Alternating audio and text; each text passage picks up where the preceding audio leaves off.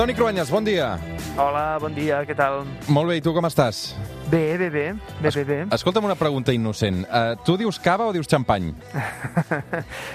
ja ens hem acostumat a dir cava, cava, dic Sí, cava. cava. Uh, ho dic perquè avui, amb el Toni Cruanyes, una altra història comentarem eh, i començarem a conèixer eh, el que es coneix com la guerra del xampany entre França i Rússia, Toni. Eh, Sí, és, és una lluita ferrissada per, eh, per un emblema de la identitat francesa, el xampany.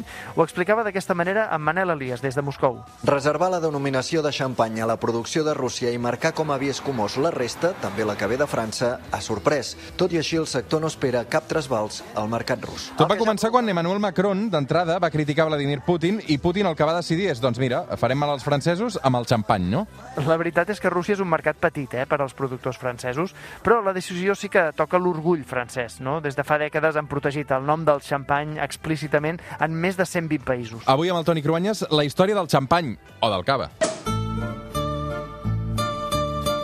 Va, anem quatre segles enrere, els francesos eh, ja produïen, van començar a produir el xampany, no? Sí, diu la llegenda que va el va inventar un monjo benedictí anomenat Dom Pierre Perignon l'any 1693 a l'abadia d'Autervilliers, a la regió de la Xampanya. Això és a uns 200 quilòmetres a l'est de París. Aquesta abadia produïa molts vins. Recordem que els benedictins eren un orde amb molt coneixement i gran poder econòmic a tota Europa durant l'edat mitjana. I Dom Perignon era l'encarregat de controlar el procés de fermentació de les botes dels seus cellers. A la Xampanya tenien un problema, i és que, sense voler-ho, el vi els sortia amb aquelles bombolles que per ells el feia dolent. No sabien per què apareixia aquella espuma, ni per què algunes de les seves ampolles explotaven. És a dir, que les bombolles del xampany, per ells, eh, va ser com un accident, no?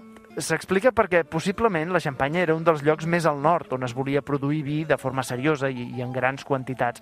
Pensem que a Europa l'origen de la producció del vi és propi dels països del sud, del Mediterrani. I la regió de la Xampanya, eh, de fet, hi feia molt fred.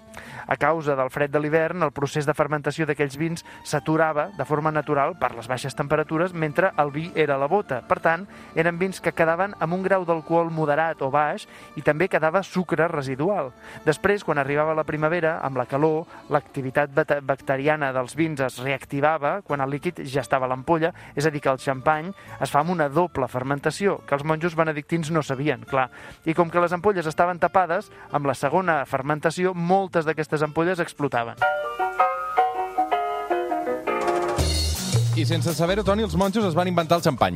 A veure, la doble fermentació devia passar molt sovint a gent i a vinyes i bodegues de molts llocs, però penseu que no va ser fins a segles després que el científic Louis Pasteur va deduir el procés natural de fermentació que fa que les bactèries assimilin el sucre i el converteixin en alcohol. Això genera escalfor i CO2 a dins de les ampolles i, per tant, gas carbònic, que això és el que genera les bombolles. I sense saber res de tot això, per tant, el monjo Don Perignon va decidir que aquell vi amb bombolles no era dolent del tot, no?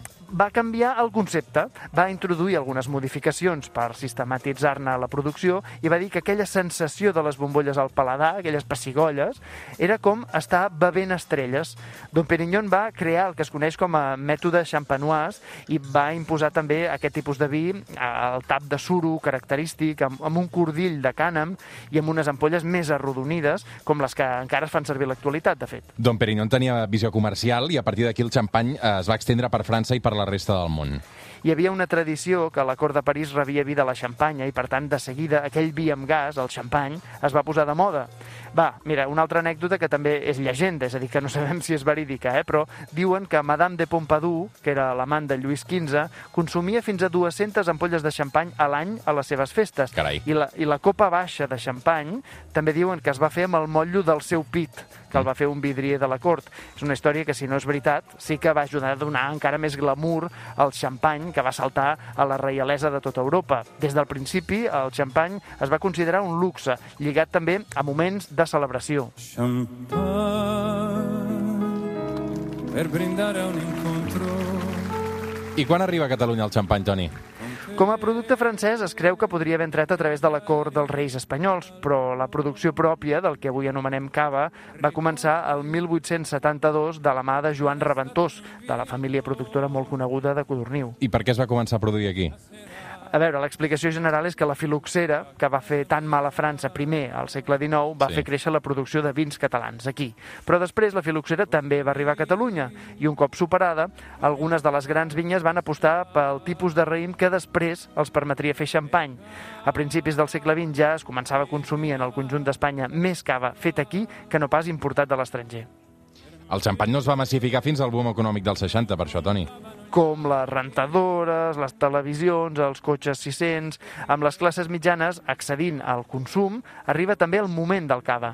El xampany fet aquí, que era molt més barat que el francès, això va fer, va convertir Catalunya en una potència que al final també va ser exportadora del que seria aquest xampany més baratet. Mañana es fiesta. ¿Qué fiesta con De la Pierre? Porque De la Pierre crea el ambiente.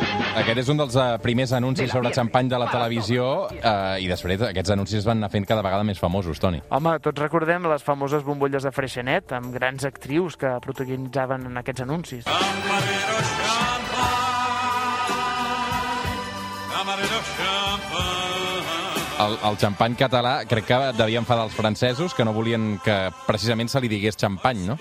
Eh, clar, a la Catalunya dels anys 70 es va començar a fer servir el nom de cava i ja des del 1994 es va haver de treure tota referència al mètode champanoise de les etiquetes, que és just el que ara Putin vol que passi a Rússia. I com se'n diu del xampany a d'altres parts del món? Perquè aquí sí que hem posat el nom de cava, no? Però... Eh, Tothom s'ha inventat una cosa o altra. Mira, a Itàlia en diuen espumante, a Sud-àfrica cap classic, els alemanys en diuen sect, Mm. i de fet fins i tot a, la, a les regions de la Xampanya, eh, fora de la Xampanya de França, també han hagut de buscar-se un altre nom, en diuen cremant. Molts noms per una cosa que s'assembla molt, la veritat. In a champagne supernova in the sky.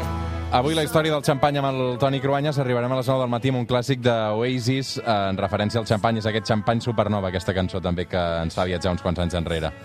Toni Cruanyes, bon diumenge. Bon diumenge i xampany per tothom.